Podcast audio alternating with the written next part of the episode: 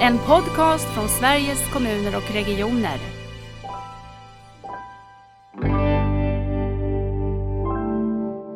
Då man sätter kvaliteten väldigt högt upp på agendan. Att det vi, det vi levererar ska vara hög kvalitet för dem vi finns till för.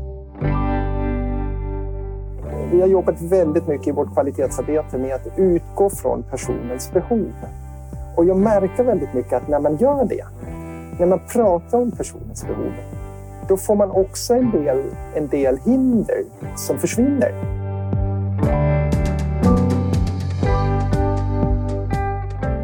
I dagens avsnitt av Nära vårdpodden så ska vi röra oss mellan vad civilsamhället kan bidra för omställningen till nära vård.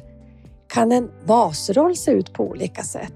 Och också allmänt stort om utveckling och engagemang och kraften i att vilja göra på nya sätt. Och för att göra det så har vi två gäster med oss. Det är Lotta Forsberg och det är Thomas Schneider. Välkommen till Nära vårdpodden. Tack. Känns det bra att få komma med? Ja, väldigt. Absolut. Och det är sådana frågor som ligger oss väldigt varmt om hjärtat. Mm. Ja, jag Verkligen. vet ju det. Ni måste ju börja berätta då eh, vilka ni är och varför just de här frågorna ligger så varmt om hjärtat. Vem vill börja? Lotta, vill du börja? Ja, jag kan börja. Jag är ju då eh, sjuksköterska i min grundprofession eh, och, eh, och har gått flera vidareutbildningar. Den senaste har jag en masterutbildning inom kvalitetsförbättring och ledarskap inom hälsa och välfärd. Och det är väl det, och det hållet jag har gått de senaste åren. Det här att hur kan vi göra vården och omsorgen ännu bättre än vad den är idag? Och det är de frågorna jag brinner för. Eh, och en annan fot jag har som jag också tycker jag har eh, sett genom åren, det är hur kan vi på ett ännu bättre sätt förstå behoven hos dem vi finns till för. Kan vi närma oss dem eh, på, ett, på ett tydligare sätt och också använda de resurserna som finns där på ett, på ett bättre sätt. Nu tappar jag lite vem, vem jag är. Precis. Och var, men om man tänker så här också professionellt nu då, var finns du nu i, din verksam, i vilken verksamhet? Nu jobbar jag då sen, sen sju år tillbaka jobbar jag som medicinskt ansvarig sjuksköterska på Bräcke. Eh, och bakom mig har jag tidigare jobbat inom palliativ vård i många år eh, och också inom onkologisk vård på Karolinska Universitetssjukhuset i många år. Och de sista sju åren eh, på Karolinska så jobbar jag också som chef. Och kände väl efter sju år att jag, att jag behövde kliva av lite chefs... Även om jag trivdes väldigt bra som chef och ledare inom vården så kände jag att jag behövde backa lite för att se att jag behövde utveckla mig själv lite mer och hitta nya verktyg för att faktiskt kunna fortsätta och driva förbättringsarbete på ett mer systematiskt sätt. Jag kunde. Och hittade då den här tjänsten på Bräcke och, och möttes just av, av det, att, få jobba med de här verktygen på ett systematiskt sätt. Och, vilket gjorde att jag faktiskt valde medicin, det här yrket, vilket jag trodde nog aldrig att jag skulle välja tidigare. Vad Men har trivts väldigt bra. Ja, jag. Jag tyckte du be- beskrev så fint just tidigare att eh, du bara kände så rätt när du satt där och tänkte, ska jag välja det här eller inte? Ja, jag gjorde det. Mm. Och jag har inte blivit besviken. Nej. Vi kommer in på också mer vad du gör och eh, hur också Bräcke fungerar. Thomas, berätta Mm. för oss, vem är du? Jo, Thomas Schneider heter då jag och är utvecklingschef på Bräcke diakoni idag. Um, Bräcke diakoni är ju en, en idéburen vård och omsorgsaktör. En nationell sådan. Vi har vårt huvudkontor i Göteborg, där jag sitter just nu. Just det. Men jag bor i Stockholm. Eh, Vi har också ett kontor i Stockholm eftersom vi bedriver verksamhet från Uppsala i norr till Falkenberg eh, söderöver. Eh, Vi har idag ett 45-tals verksamheter inom primärvård, inom rehabilitering, äldreomsorg, sociala verksamheter och ungefär 1100 medarbetare. Jag, jag jobbar här som utvecklingschef och har då ett, ett, ett förflutet som som en av dem som har startat eh, vår branschorganisation Famna, som är ju SKRs motsvarande för eh, de idéburna aktörerna. Och vi har på ett sätt också synliggjort den idéburna välfärden på det sättet. Eh, också försökt att visa vad, vad, vad är det vi kan bidra med Vi kommer säkert in mer på det här, vad, vad vi tror. Absolut. Men en av de här sakerna som driver mig är just det här att vi, vi, vi har både viljan att se behoven och har faktiskt kraften och eh, kompetensen och möjligheten att göra något åt dem. Ehm, vi kan förändra saker som, som andra inte kanske kan förändra ehm, och vi drivs av de behoven som finns i samhället. Det måste du berätta mer. Varför har just ni kraften att kunna göra något åt det som du säger? Mm. Jag, jag, jag, tänker ofta att om man tittar på civilsamhället som en, som en sektor så är den ju, präglas den ju av att, som namnet säger, att vi som människor engagerar oss i frågor som vi brinner för. Um, och då engagerar vi oss antingen i, i föreningar eller vi går på gatan och demonstrerar mm. eller, eller vi gör olika saker. Ofta är det så att, att vi verkar i system som är rätt så komplexa, vilket innebär att det är svårt att påverka systemet. Um, och, och, och kommer man inom välfärden från den offentliga sektorn så är det ofta som vi upplever så att ja, men systemet är så komplext så att vi har svårt som enskild person att ändra någonting i det här. Och nära vård är ju ett väldigt tydligt exempel på där man försöker ändra liksom kulturen i grunden. Mm. Men jag tror att vi är lite mer lättrörliga. Vi tar två saker ur det bästa ur två världar. Vi har liksom det individuella, personliga engagemanget för att se saker och göra något. Men sen har vi också en organisation runt omkring som skapar möjligheterna ehm, som är en del av systemet. Alltså vi, vi står med ett ben i, i brukar eller patientföreningarnas vardag och med ett annat ben står vi i, i avtal med det offentliga, vilket innebär att vi är en sån där broker i den här övergången. Mm. Um, och det tror jag skapar strukturella andra förutsättningar. Um, så intressant. Känner du av det Lotta? Jag tänker du har ju också jobbat nästan hela ditt liv i, i den offentliga driften om man skulle säga så. Ja, det, det tycker jag är väldigt tydligt. Och, eh, jag jobbade ju tidigare inom, på Ersta diakonisällskap i den palliativa vården och valde att faktiskt komma tillbaka till den idéburna civilsamhällesvärlden. Det var ett aktivt val jag gjorde för att just att de här frågorna drivs på ett, akt, man, på ett aktivt sätt och man sätter av kvaliteten väldigt högt upp på agendan. Att det vi, det vi levererar ska vara hög kvalitet för dem vi finns till för och det tycker jag är en tydlig gemensam nämnare. Mm. Eh, och som medarbetare känner jag också att, det, att och i den position jag har, får jag möjlighet också att testa nya angreppssätt. Eh, ja, vi styrs ju av våra avtal som sagt, eh, men, men hur? Alltså, vi ska leverera det vi ska leverera, men huret kan vi påverka väldigt mycket mm. inom organisationen. Ja. Jag tänker, bara slog mig, eh, det här hälso och sjukvårdssystemet i Alaska som många riktar blicken på när vi ska förändra oss mot nära vård. Då pratar man väldigt mycket om den enskilda medarbetarens vad ska jag säga, commitment till verksamhetsidén. Mm. Men ska du jobba hos oss, då måste vi också eh, då ska du vara engagerad för att göra det här. Eh, så. Kan man säga så? Kan man, hur, jag tänker Thomas, när du möter medarbetare i er verksamhet eller ni ska anställa någon. Mm. Eh, hur känner ni att det här kommer att eh, vara rätt och hur vet människan att det är eh, det här engagemanget jag kan bidra med? Alltså, hur går det där till?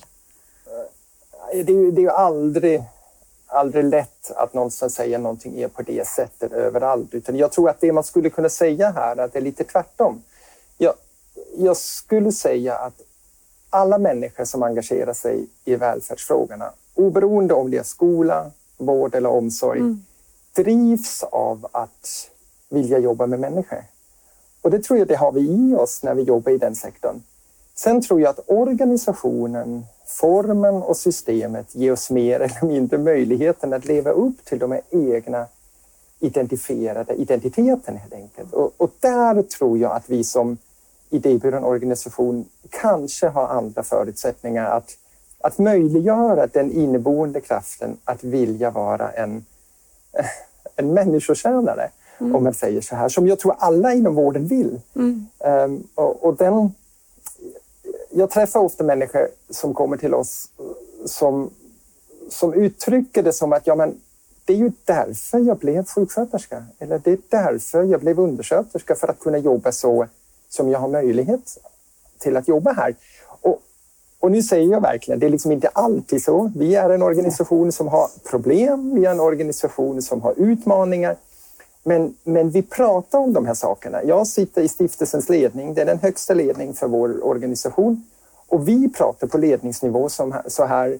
Lotta pratar på, som MAS med, med chefer och medarbetare så här och det pratas på APT så här. Så det tror jag är en, är en, en möjlighet vi har som den organisation vi har att avståndet mellan de strategiska besluten och de praktiska konsekvenserna är, är lite mindre och den genomsyras av våra grundläggande värderingar. Och, och, och där är vi, tror jag, ganska lik um, Doug Ebbys um, mm. system i, i Alaska. Mm. Att det är en, en lite mindre organisation, på ett sätt lite enklare, um, som gör det möjligt. Alltså, mm. ja. För jag tänkte precis det du sa, det tycker jag möter mycket i mötet med medarbetare när vi pratar om den här omställningen. Att då säger man, det är ju så här jag vill jobba. Mm. Det är ju det här som har drivit mig en gång att välja de här yrkena. Mm. Mm. Och att ta vara på den kraften är ju mm. otroligt viktig ja. och, och jättefantastisk. Eh, så. Jag tänkte att vi ändå eh, behöver få veta lite mer om Bräcke. Du sa lite grann Thomas om vilka, ni har ganska mycket eh, många saker på er agenda eller på olika verksamheter. Men berätta lite mer mm. konkret. Vad är det ni har, ni har avtal kring och vad är det ni jobbar med för verksamhet? Jag tänkte börja i början. 1923 såg en, en, en grupp människor i Göteborg behov att det fanns människor som har behov av stöd och vård och omsorg. Och då handlade det om hamnkvarteren, det handlade om fattigvården, det handlade om tider där det inte fanns ett system som vi har idag som skapar de här möjligheter för personer som har behov av vård och omsorg. Och då bildade man stiftelsen eh, Bräcke diakoni som startade då verksamhet i fattigvården för äldre som så småningom blev um, en, en första habilitering, första hospice på 80-talet och idag eh, fortfarande verksamhet som ser väldigt mycket på um, tittar på vad har samhället behov av insatser, vilka människor får inte det de får. Mm. Um, det här är en, en, gradvis skala. Alltså vi går ju in och startar upp ett, ett flyktingboende i princip över helgen om det kommer en flyktingström hit. Um, vi startat upp en beredskap i Ukraina nu på ett dygn att ta emot människor. Alltså den kraften har vi. Men sen är vi också med och ser att vi kan förändra, vi kan vara med och bidra i, i, i, det, i det systemet som finns. Vi bedriver primärvård väldigt nära ihop med, med en primärvårdsrehabilitering väldigt nära ihop, helst väldigt nära ihop till exempel med, med hemsjukvården, med hemtjänsten, med äldreboendet. Och då märker man redan, då kommer man in i de här frågorna där, där man går över olika huvudmän, olika lagstiftningar.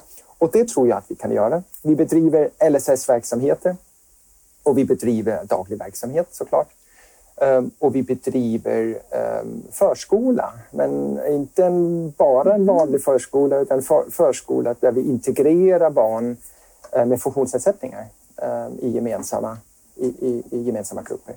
Så, så vi tar ju ut delar ur det här systemet som vi tror att vi kan göra en insats på. Um, så tänker... vi är, därför är vi lite breda, för att breda. på behoven. Mm. Och jag tänker också hur, jag tänker de här delarna som ni gör inom hälso och sjukvårdssystemet. Det gör ni på, tänker jag, på LOV och på andra delar av lagstiftningen, kanske LOU-upphandlade delar. Mm. De här sakerna ni gör nu när det kommer en flyktingström i Ukraina, mm. hur, eh, det är en annan del av er verksamhet. Hur finansieras det och hur kommer ja, det, det, till? Delvis kan det ju vara finansierat via insamlade medel. Mm. Uh, väldigt liten del. Uh, om vi tar till exempel Ukraina-flyktingar uh, eller 2015-16 flyktingkrisen efter Syrien så ser vi ju, så är det ju offentliga medel där också. Det var, det var pengar som kom via, via um, Migrationsverket eller det var finansiering som kom via staden. Eller i det fallet var vi faktiskt eh, eh, ihop med andra idébundna aktörer skapade vi ett EOP, alltså mm. idéburet offentligt partnerskap tillsammans med Göteborgs stad. Nio organisationer och under ett antal år drev vi verksamhet för ensamkommande flyktingar. Um, så, så vi är ju, vi är ju rätt flexibla både i att anpassa verksamhet efter de behov som finns men även i i sätten att avtala kring, hitta ersättningar kring. Um, mm. Och, och, där ser vi väl att att där finns, ju, där finns både möjligheter och begränsningar. Vi skulle, vi skulle vilja göra mycket mer som går åt nära vårdhållet um, än, än um, regelverket, lagstiftning, um, ersättningsmodellerna tillåter oss att göra. Mm. Jag tänkte Lotta, din roll då som MAS, är du MAS för all den här typen av verksamheter? Ja, jag är ju det, mm. vilket är, skiljer ju kan man säga då de kommunala MASen ifrån att ja. eh, det finns ju mycket likheter också, men jag är ju starkt involverad i de flesta av våra verksamheter eh, och har blivit och även inom de som också enbart kanske LSS och och socialtjänst. Eh, vi ser även behov där av insatser och där samverkar jag jättemycket med vår eh, SAS som är socialt ansvarig samordnare hos oss mm. och även förstås med vår medicinskt ansvarig rehabilitering. Så vi jobbar ju otroligt vi tillhör, tillhör kvalitetsavdelningen på Bräcke men jobbar ju väldigt nära varandra i de här frågorna. Eh, och det vi har sett behov av nu, eh, som vi har utvecklat de sista åren, det är att skapa ett, ett patient och brukarsäkerhetsråd där vi samlar de här frågorna eh, gemensamt. För vi ser att vi sitter på olika kompetenser eh, men, men, behöver också varandra, och behöver varandras kompetens för att faktiskt utvecklas vidare och se. Det vi ser är ju att det finns också väldigt eh, stuprör mellan de här olika hälso och sjukvårdslagstiftningen, socialtjänstlagstiftningen mm. och LSS. Och, men, men, personerna behöver ju, de, de har inga stuprör inom sig som vi är till för. De, de ser inte de här stuprören men, och vi behöver liksom gemensamt jobba kring de här frågorna. Hur jobbar ni med det patient och brukar patientsäkerhetsrådet då? Hur rent praktiskt? Ja, det är jag som eh, sammankallar det rådet som oss, men där sitter då medicinskt ansvarig för rehabilitering och eh, en sjukgymnast och SAS, eh, socialt ansvarig samordnare som är socionom och så en läkare. Så vi är fyra som sitter där med olika professioner och har också ett övergripande ansvar kring de här frågorna då på Bräcke. Och där möts vi tre till fyra gånger per termin och bland annat tar upp då allvarliga händelser och utredningar som vi är involverade i. Men också ser över och säkerställer arbetssätt. Och det som vi ser kan jobba mer emot är det här system, systemtänkandet. Liksom, vad, mm. vad, kan organisationen bidra med för att underlätta för medarbetare att göra rätt helt enkelt? Att undvika att allvarliga saker händer och så. Hur kan vi gemensamt hitta arbetssätt? Vad kan vi lära av varandra och så vidare? Just det. Spännande och mm. viktigt. Jag tänker också kopplingen då till, om, jag tycker det vi har pratat om handlar ju också om hela grunden i, i nära vårdomställningen, hela förhållningssättet och kraften. Men om, om ni skulle säga, ja men Bräcke spelar den här rollen i omställningen eller relationen till omställningen till en mer nära vård ser ut så här. Hur skulle ni då säga? Jag skulle säga eh, det finns ett väldigt tydligt potential i, i vår roll och i den, um, alltså den, den, de förutsättningarna vi har som en idéburen aktör um, är ju att, att vi sträcka över flera huvudmannaskap. Alltså man tänker de, de huvudmännen, kommuner och regioner. Vi sträcker över flera lagstiftningar i samma organisation. Mm. Ehm, ett, ett sådant exempel är den här eh, vårdkedjan i person, för personer med eh, kognitiva sjukdomar i Alingsås som vi haft ett antal år där vi tillsammans med frivilliga organisationer, Frälsningsarmén och Röda Korset, eh, med oss tillsammans bedrivit någonting vi kallar för Alzheimers Café. Alltså informationsverksamhet, kvällsverksamhet några gånger per termin där människor kunde komma, få information, det var föreläsningar, man träffade andra för att få, få svar på de här första frågorna som uppstår när man börjar fundera på vad händer egentligen här? Mm. Det kopplade vi sen direkt till en koordinator på vårdcentralen som vi drev då, som vi driver i Alingsås. Som, som gjorde då, erbjöd hembesök för att prata vidare om frågor som är viktiga för de personerna. Um, där vi då kunde fånga upp um, väldigt tidigt att det finns behov av information. Det finns behov av utredningar.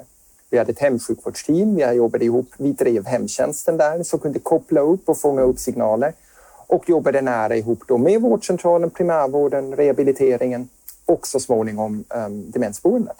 Vilket innebär att Vilket innebär att flödet här från de första tecknen på att någonting inte riktigt står still, står till, till egentligen hela vägen ut, eh, höll vi i samma organisation. Rakt genom flera olika avtal och, och flera olika lagstiftningar. Mm. Och det vi såg här är ju att vi, vi kunde halvera tiden från första symptom till diagnos. Vi kunde halvera antal besök för personen som var i den där vårdkedjan jämfört med de som inte var i den. Så, så det, det är hur lätt som helst att visa effekterna på, på, på det hela. Samtidigt ser vi att det har varit jättesvårt att, att få till det här avtalsmässigt. Jag skulle just fråga, för jag tänker om man då har avtal ja. med, med olika huvudmän, ja. Eh, hur mycket hindrar avtalet? För ni har ändå lyckats. Mm. Nej, vi lyckades för att vi gjorde ett IOP. Ja, just det. Det var ett IOP mm. där vi kunde knyta ihop de här delarna. Berätta nu vad det är. Alla lyssnare vet inte.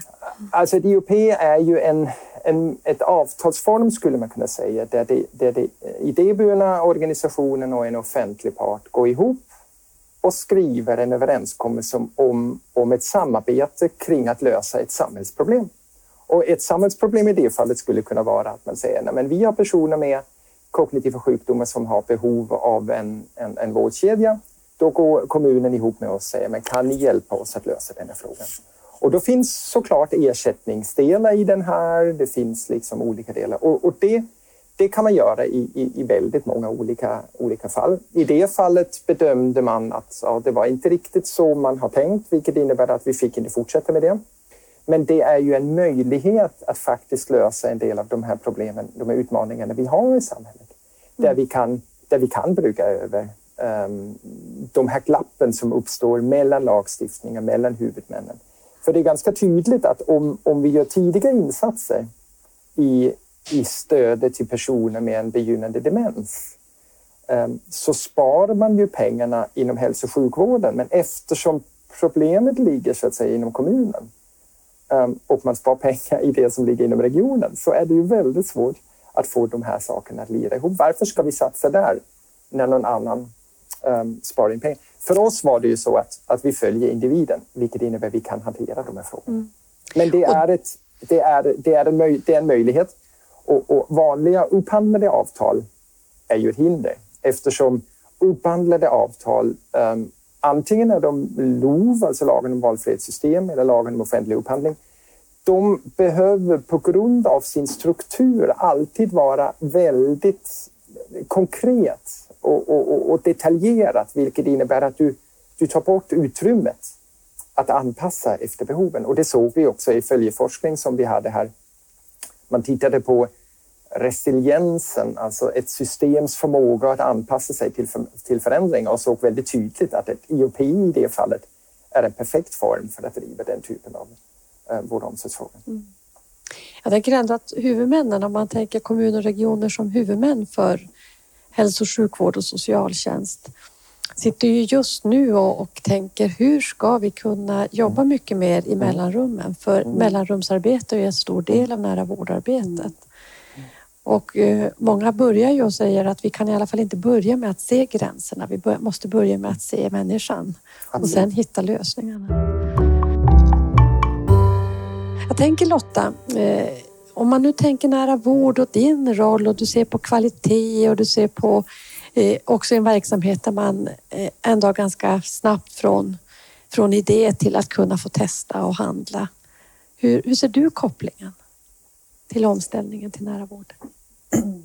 Och jag, jag tänker, eh, jag jobbar ju ganska väldigt nära verksamheterna så, så en, en del av min uppgift tycker jag är att hela tiden också ställa frågan har ni frågat efter behoven? Vad vill den enskilda? Vad vill närstående? Vad behöver de? När man jobbar med förändringar, när man ska tänka nytt. Eh, man vill väldigt väl och man tror att man vet. Mm. Men, man, men, man, men man glömmer ibland att ställa de här frågorna, så det tänker jag är en, en, någonting som jag liksom driver ganska kontinuerligt och ställer de här frågorna. Och, och, det är också väldigt intressant, när man börjar ställa frågorna så blir man ibland lite för, inte sällan förvånad över svaren. De är inte så komplicerade att uppfylla behoven eller förväntningarna. Men, men, man har, nej, men det här perspektivet hade man inte tänkt på. Det kommer alltid någonting som inte personalen har tänkt på som, och som är ganska lätt att tillgodose. Eh. Jag tycker egentligen ni båda beskriver ju ledarskapets betydelse. För det Ja. där är ju som du säger nu, det är ju ett ledarskap tänker jag. Att vara där med de viktigaste frågorna. Som kan också vara ganska enkla frågor men som är verkligen viktiga för att ändra en, ett förhållningssätt och en kultur. ja. Och det tänker jag också på övergripande nivå Thomas, att du beskriver också någonting Absolut. som Det är ju he- helt, helt rätt. Det är klart att det är vi som chefer och ledare spelar en otroligt viktig roll. Att, att jag, tänkte, jag tänkte våga göra de här sakerna. Alltså våga de här sakerna som är lite annorlunda, som kanske går lite utanför ramen, som tar den där extra diskussionen med juristen. Om det nu ändå kanske skulle kunna gå att lösa den här frågan på det här sättet. Eh, För att jag tror att, att det är ju där vi skapar utveckling. Exakt. Um, um, alltså rädslan för att göra, göra fel är ju... Det är ingen bra, det är ingen bra utvecklingsmotor. Nej. Um, utan vi måste... Och jag märker ofta... Vi har jobbat väldigt mycket i vårt kvalitetsarbete med att utgå från personens behov.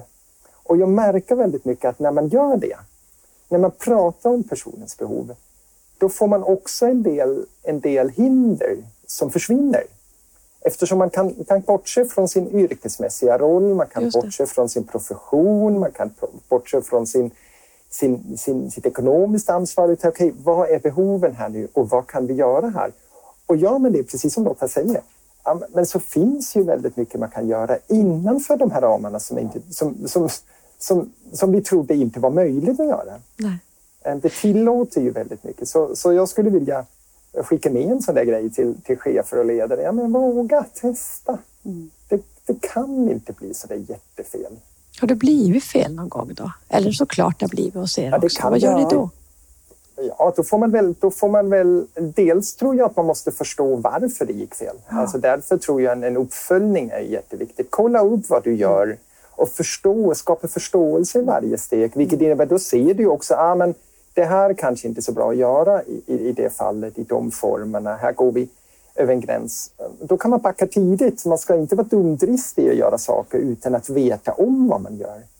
Utan man, man behöver vara medveten om var man är någonstans. Och, och det vi pratar jättemycket om, att testa i liten skala, att testa Mm. i, i, i, i litet sammanhang och som du säger Thomas, följ upp. Eh, men, men, och sen fun- fungerar det inte, nej, men då börjar man ju skruva på det och då får det oftast inte så stora konsekvenser. Eh, men det är också viktigt tror jag också redan att efterfråga resultat. Hur gick det då? Alltså att, att, jag, att jag som mas, hur har det gått? Eh, för ställer ingen frågor då, då glömmer man också följa upp saker och ting. Så jag tror att efterfråga resultat, eh, och höra hur det har gått, det tror jag är en jätteviktig uppgift som vi har som ledare.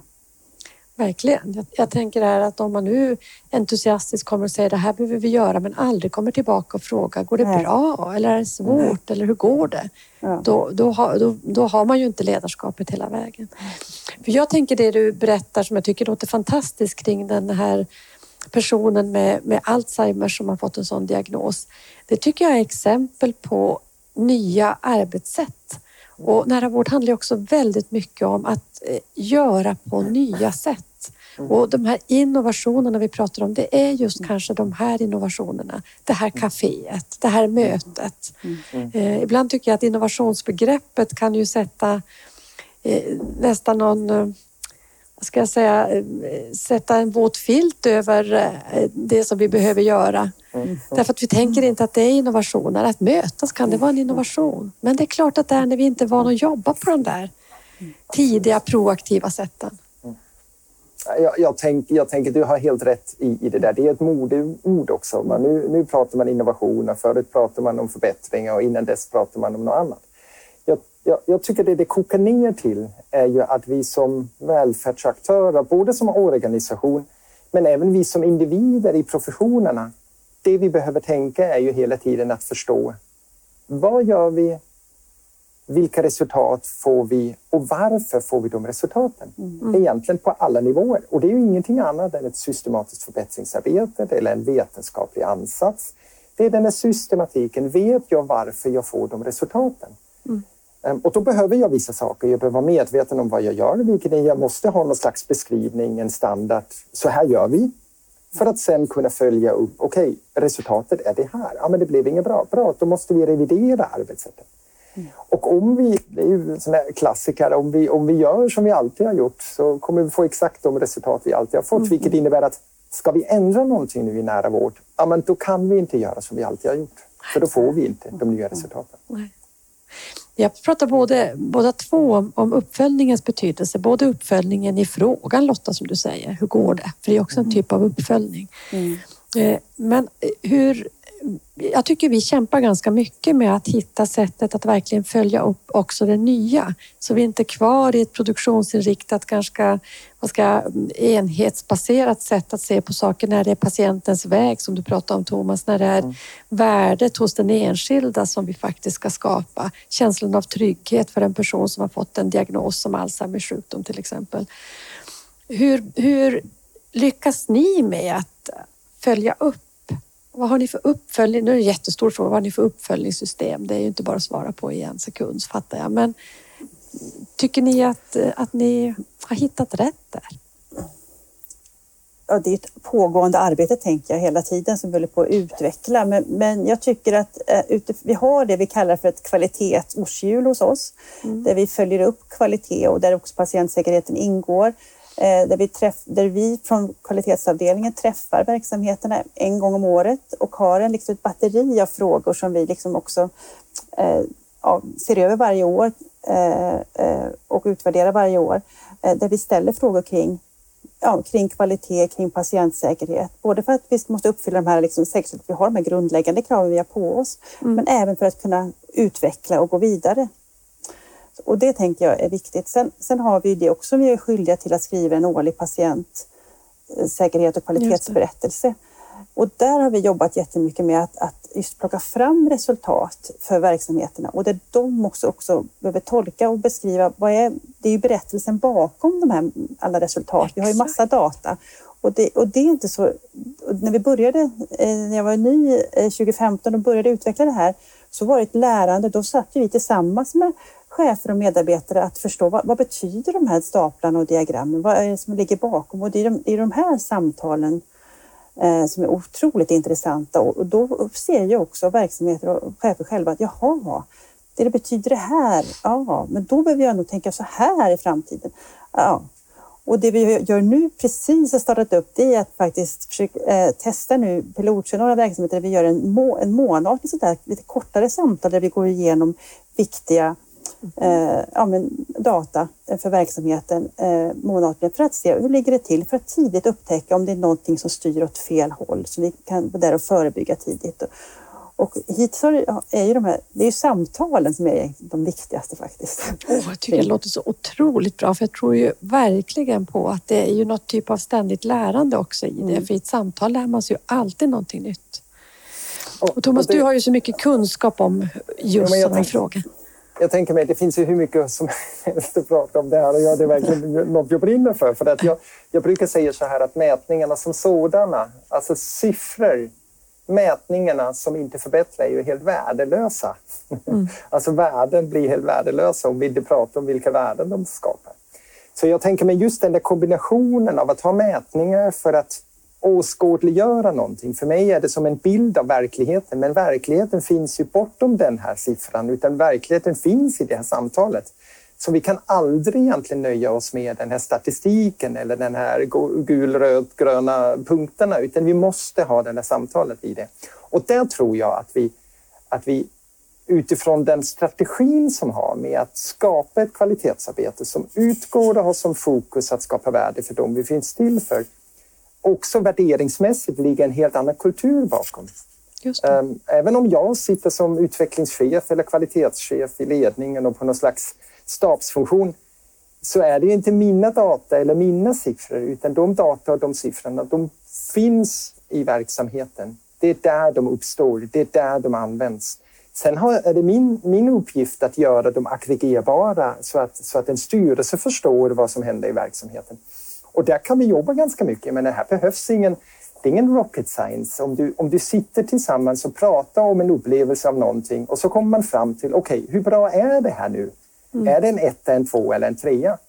Ja, men det är en tvåa. Ja, men det kanske ändå är en trea. Eller är det en tvåa? Ja, men vi sätter en tvåa. Och då blir den tvåan plötsligt ett kvantitativt mått på det där samtalet som vi kan aggregera uppåt och synliggöra. Medveten om det är bara en bild av verkligheten och inte verkligheten själv. Så jag skulle aldrig säga, ja, men ni har en tvåa här, nu är ni dåliga. Nej, men den ger mig en hint. Ja, nu är den gul, den är inte grön riktigt. Här behöver jag titta lite på. Det är lite som Lotta pratade, det är tidiga viktiga tecken. Hur kan vi bygga det här organiskt, löpande? Och, och som, som du säger där, att jag menar, det, det kommer vi aldrig vara färdiga med. Nej. Ehm, de sakerna vi mäter idag, de har vi inte mätt för 20 år sedan. Och de kommer vi inte mäta om 20 år.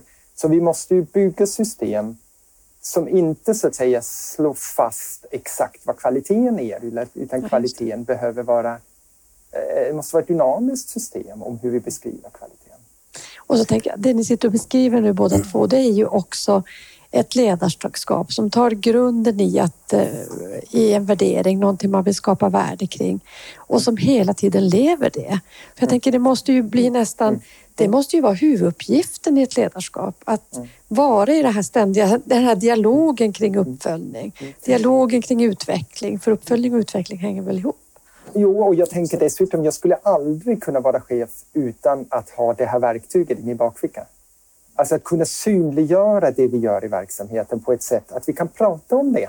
Okej, varför är det grönt eller gult eller rött? Mm. Och det skapar ju utvecklingen sen. Det skapar medvetenheten om, okej, vad är det vi gör? Varför gör vi det och vilka resultat får det? Det är de här tre frågorna egentligen som hela tiden hänger ihop. Och det vi gör på kvalitetsavdelningen och med de uppföljningen är ju att skapa ett, ett organisatoriskt och strukturellt stöd i att jobba på det sättet. Mm. Jag tänkte en annan sak som är eh, så otroligt central i omställningen till nära vård, det är ju samskapande processer. Att samskapa både över gränser men framför allt då tillsammans med dem som är klienter eller brukare eller patienter eller vad vi har för verksamhet framför oss. Eller personerna snarast. Hur tänker ni där och hur jobbar ni där? Vem vill börja? Jag kan börja. Ja. Eh, det, eh, det, det, man kan säga generellt, vi, vi, har gjort, vi har gjort lite interna undersökningar och det finns en enorm vilja att samskapa. Man vill göra saker tillsammans med patienten. Sen är det svårare att få till det i verkligheten. Mm. Alltså, hur, hur gör man det då?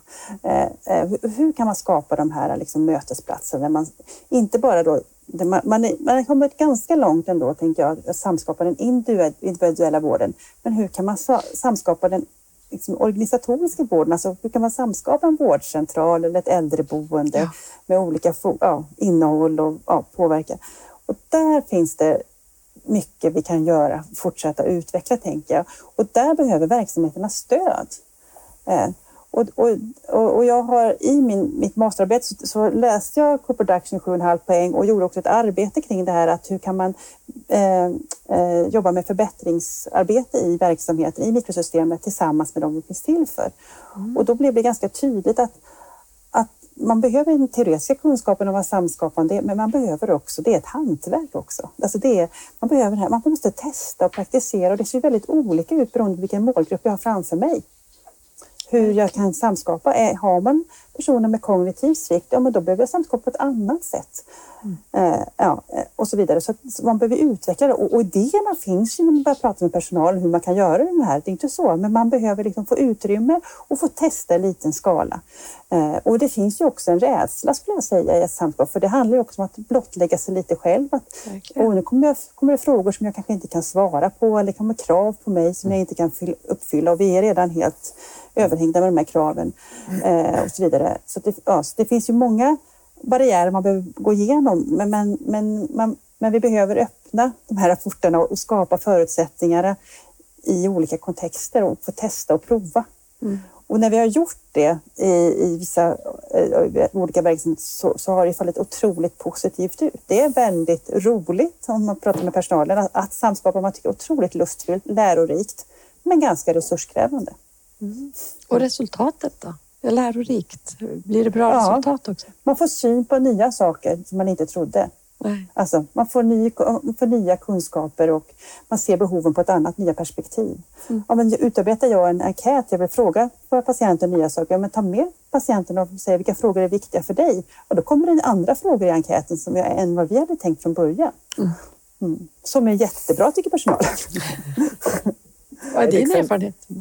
Ja, ett exempel är, eh, spinna vidare på Lottas, eh, vad hon säger här. Eh, ett, ett exempel från en psykiatriverksamhet var att, att vi hade då sammansatt ett förbättringsteam.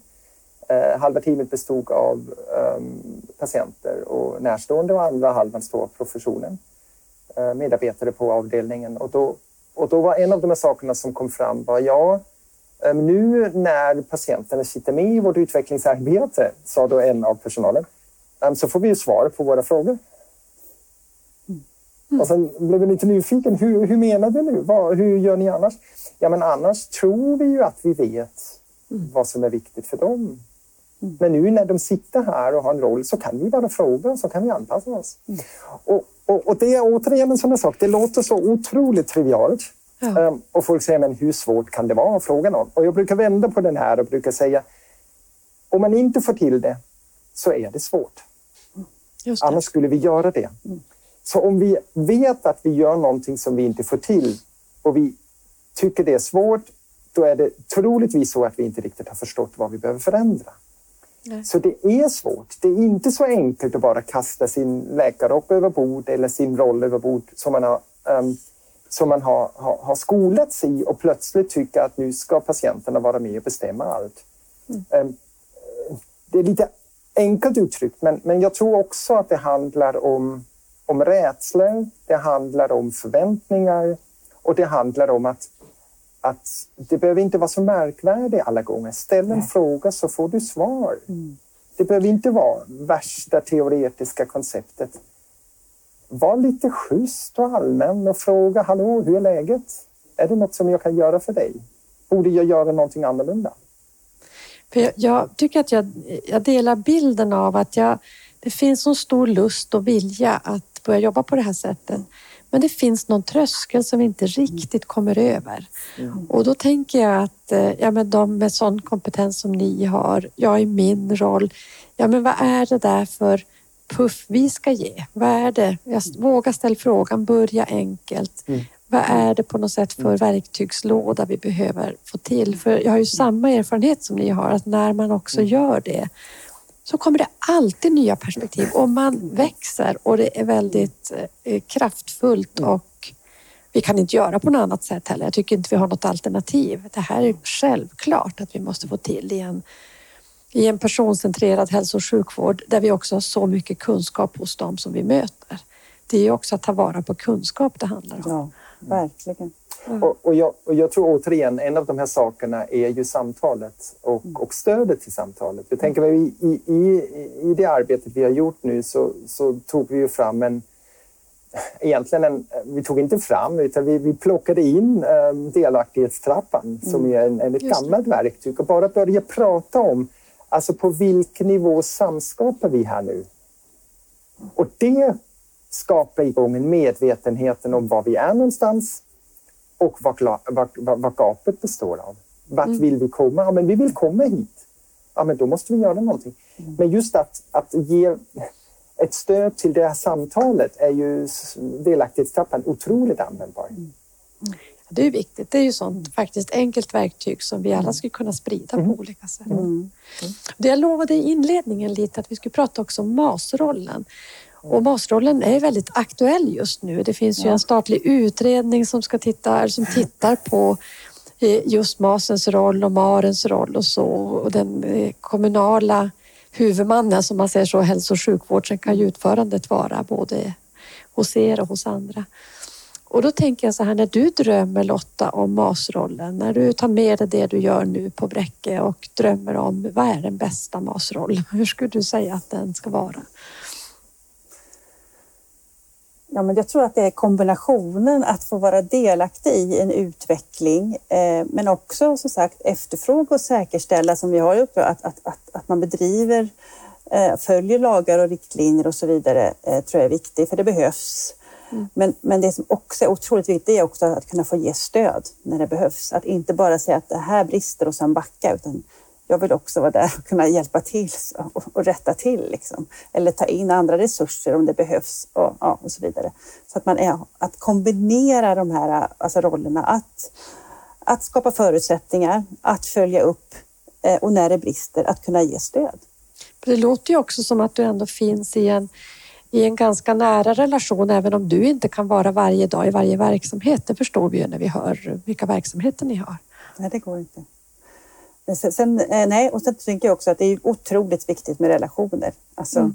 att, att, att, kunna, att känna att, att chefer och medarbetare kan bara ringa och lyfta luren när de behöver. Och det är väl det som är förmånen att jobba i en, en, ändå en relativt begränsad organisation, att, att jag har den möjligheten och jag blir väldigt glad när en undersköterska ringer mig och ställer frågor.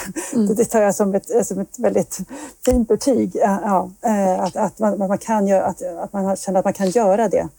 Eh, och, och också det här att, att, att kunna blottlägga sig när det går fel. Nu, och man ringer sig, nu, nu har det här hänt, nu behöver jag ha hjälp. Eller nu behöver jag hjälp. Det tänker jag också är viktigt, att inte känna skuld och skam och försöka skyla saker, utan Nej. att vi är öppna när det brister. För det, då, då, behöver vi också komma in, liksom, ja, då, då har vi ett gemensamt problem i organisationen. Vi behöver hjälpas åt här för att rätta till. Mm. Jag tänker Thomas, det är ju inte med självklarhet man tänker att en, en utförare har en MAS. Det var självklart för er. Jo, det var helt självklart eftersom, eftersom dels, dels är det en roll som jag tycker är klockren i den här utvecklings... Alltså, jag brukar ofta säga så här att fråga en MAS i en kommun och hon, hon kan exakt säga vilka, vilka, vilka verksamheter som fungerar och vilka inte fungerar. För att man har den kontakten, man har den rollen i organisationen som har den inblicken, oberoende vad indikatorerna visar, så vet MASen vilken verksamhet som funkar och inte. Vilket innebär att den rollen är superviktig. Ehm, den, den är en, det är en roll som är, som är känd. Därför skapade vi den. Vi hade inte den det, ehm, på den nivån riktigt. Ehm, vi skapade den och vi formade den och vi la till egentligen, där kanske vi skiljer oss ändå lite grann för en hel del kommuner där man egentligen ser att MASen har en ren tillsynsfunktion. Mm. Vi säger nej men MASen är den här blicken från sidan in i organisationen men har också, också verktygslådan med sig att kunna hjälpa till. Och det skapar ju egentligen den här nyttan i verksamheten. Ja. Alltså vad ska vi göra med den överblicken när vi inte kan göra något åt det? Och därför är det också viktigt att rollen som sådan inte är ensam utan den är inbäddad i en organisatorisk del som ger möjligheten till det som Lotta nu säger. Mm. Alltså jag menar, vi ser ju frågor, inte alla frågor har ju med hälso och sjukvård att göra. Det är ledarskapsfrågor, det är utvecklingsfrågor, det är kvalitetsfrågor, det är metodfrågor, vilket innebär att även om, om MASen hos oss har en MAS-roll så har vi ju liksom, vi har två verksamhetsutvecklare, vi har en MAR, vi har en SAS, vi har mig som chef och vi har liksom andra resurser som också kan hjälpa till att göra saker i, verksamheten, vilket innebär att den ena är den egna rollen i beskrivningen av MAS-uppdraget och det andra på en organisatorisk nivå är egentligen hur man bäddar in den rollen i organisationen och mm. vilket uppdrag man ger i organisationen. Och där tror jag att det finns en hel del alltså systemfel, tänker jag. En av, de här delarna, mm. en av de här delarna är att man nationellt um, delar på till exempel patientsäkerhets och kvalitetsarbete. Mm. Man har avdelningar på stora sjukhus där du har sådana som bara jobbar med flöden, processer. Sen har du en kvalitetsavdelning och sen har du en patientsäkerhetsavdelning. Och de jobbar inte ihop. Nej. Bara att vi har en patientsäkerhetsberättelse och en kvalitetsberättelse är, en, är ett hinder. Det är ju samma grejer vi jobbar med. För då har vi nästan tagit den här ska, subspecialiseringen som vi ser inom medicinen också ja, in i hela stödsystemet. Exakt. När vi nu behöver jobba ihop de här. Det är ju ja. jätteintressant att ja, förstå exakt. att det spelar också roll hur man bäddar ihop och vad man har för syn på rollernas eh, och, och områdenas relation till varandra. För, för de tre, om man tar de här tre funktionerna så har de ju samma uppdrag. Alltså ta innovationerna också för den delen. Mm. Ta liksom innovationsarbetet, patientsäkerhetsarbetet, kvalitets, kvalitetsarbetet och, och ibland även de som jobbar med processer eller så processansvariga och så vidare. Alltså, här finns en kompetens som behöver bundas ihop Då man blir jag ju som också nyfiken när du säger det, för då tänker jag på de här andra klassiska stödrollerna, HR och ekonomi. Hur ser ni på dem i relation till det här? För att Mm. eh, de kan ju också ha väldigt på något sätt isolerade uppdrag. Har de det hos er också eller? Ja, vi kan säga så här att vi, vi, vi är medvetna om att stödfunktionerna har sina stuprör. Mm. Och vi jobbar aktivt med att bygga hängrännor. Mm. Eh, Både i, i samarbetet, vi jobbar jättemycket ihop med HR, vi jobbar en hel del ihop med ekonomi. Eh, Men just HR och vi, kvalitet, jobbar jättemycket ihop. Men det vi också har gjort organisatoriskt är att vi har samlat IT, kvalitet, innovationer och kommunikation Just det. under en chef och det ligger under mig, vilket innebär att jag kan som utvecklingschef få ihop IT och kvalitet, IT och kommunikation, innovationerna in i utvecklingsarbetet och har då tillsammans med HR och ekonomichefen ett ganska nära samarbete kring um, hur jobbar vi med de här frågorna. Vi såg det inte minst här under, under pandemin. Mm. Um, supersmidigt. Det är liksom tre chefer i högsta ledningen som har de här frågorna. Um, snabba beslut, vi känner varandra, tillitsbaserat och har otroliga möjligheter att snabbt få ut en omsättning i verksamheten. Så, Jag, ja. jag tycker det där är ju också otroligt intressant det här med kommunikation också. Så för jag tänker att i hela det här skiftet så har kommunikationen, ja det är ju det ni har pratat om hela tiden, relationen till andra människor, kommunikationens betydelse, vilka ord och begrepp vi använder, är ju så viktiga. De är ju nycklar i ett utvecklande förhållningssätt egentligen. Så att tänka in kommunikation som en kompetens, inte på sidan om som levererar broschyren när den ska tryckas, utan någonting som måste in i de här Och det blev ju jättetydligt under pandemin där vi behövde nå ut med information väldigt snabbt och det förändrades hela tiden. Och, och, och, och, och då, var kanske för, alltså då hade vi, och då tror jag, det är ett tajt samarbete med kommunikation. Hur kan vi liksom anpassa? Vi behöver göra bildmaterial, vi behöver liksom Ja. göra andra saker för, ja, för att folk ska förstå och, och kunna ja, anpassa och ändra arbetssätt. Eh, och, och då såg man ju liksom vilken kompetens de besitter och, och hur bra det blir att kombinera våra olika kompetenser tillsammans. Eh, och, och det får ju leva kvar nu, tänker jag. Så det kan man säga är lite goda effekter av pandemin ändå, att det här är nära samarbetet som vi fick under pandemin och beroendet av varandra eh, finns kvar som en väldigt god och positiv effekt. Ja, det får ni verkligen hålla i. Ja. Det där tycker jag låter så jättebra. Hörrni, det går, tiden går så fort. Jag har egentligen två frågor jag vill hinna ställa till er. Det ena skulle jag vilja höra om ni nu tittar på offentlig eh, sektor. Jag tänker framför allt kanske huvudmännen. Hur ska vi bli bättre på att använda civilsamhället i, i omställningen och i våra verksamheter? Det är den första och sen ska ni få svara på vad nära är för er också. Men jag tänker bara om vi kan vara korta, vad skulle ni vilja ge för råd? Vad tycker ni är viktigt i det här med civilsamhället? Jag skulle snabbt, enkelt bara säga eh, involvera oss innan ni bestämmer vad ni ska ha.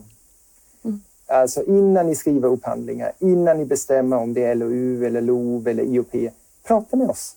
Mm. Hör med oss, ring oss. Säg, hörni, har ni några tankar hur vi skulle kunna göra det här? Vad tänker du Lotta? Ja, men jag tänker det också att, att, att jag sitter med i olika nätverk och, och det är otroligt viktigt att få vara med i de här nätverken och lyfta frågorna eh, på olika ställen utifrån det perspektiv vi har och de erfarenheter vi har. För det som är lite unikt är att vi jobbar över flera kommuner, över flera regioner och alla gör olika. Eh, Och det finns ju, det finns ju, vi lär oss jättemycket av det som organisation. Vi, och vi kan ju ibland plocka russinen av kakan men vi behöver också anpassa oss efter de krav och riktlinjer. Men också att, att en region har ju ofta sin erfarenhet inom regionen, eller en kommun har sin. Men vi har faktiskt en, jobbar ju mot flera och det gör att vi, vi, kan, vi får en, en annan blick på hur, hur, hur vården fungerar kan man säga. Och så tänker jag hela ert eh, vad ska jag säga, värderingsstyrda arbetssätt har vi mycket att lära av. Vad är det som ni lyckas med och så. Så att det tycker jag varit ett jättespännande samtal. Och vi avslutade på traditionsenligt nära vårdpoddens sätt. Och, mycket. eh, vad är nära för er? Vad är nära för dig Lotta? Nej, men alltså, eftersom relationer är viktigt för mig så är det nog, alltså, att, när jag säger nära tänker jag på relationer och, och den här ömsesidiga förståelsen av varandra, av de man möter. Eh, och sen eh, kan det vara ju, ja, och idag kan vi mötas på många olika sätt och, eh, och det utvecklas hela tiden. Men, men, men det här att, att, att förstå varandra och hitta, ja, ja och, för, och, och inom sjukvården handlar det för oss att förstå behoven. Mm. Så att vi gör och använder resurserna utifrån det alltså också. Mm. Mm. Tack. Thomas? Ja, nära har för mig två betydelser. Dels är det den geografiska betydelsen, att det är nära i avstånd. Men det andra är nära i tid och det tredje är egentligen nära i, i, i mig själv, i mig som individ. Och där tror jag att nära vård passar väldigt, väldigt in i alla de här tre. Mm. Eh, den behöver någonstans fånga upp mina behov som individ på ett sätt där jag känner att jag är delaktig i att utforma mitt liv och där vården hjälper mig att leva mitt liv. Ehm, både nära hos mig, mm. geografiskt och i tiden. Mm. Stort tack för att ni ville vara med i Nära vårdpodden. Vi har fått mycket att tänka på. Tack så mycket. Tack själv.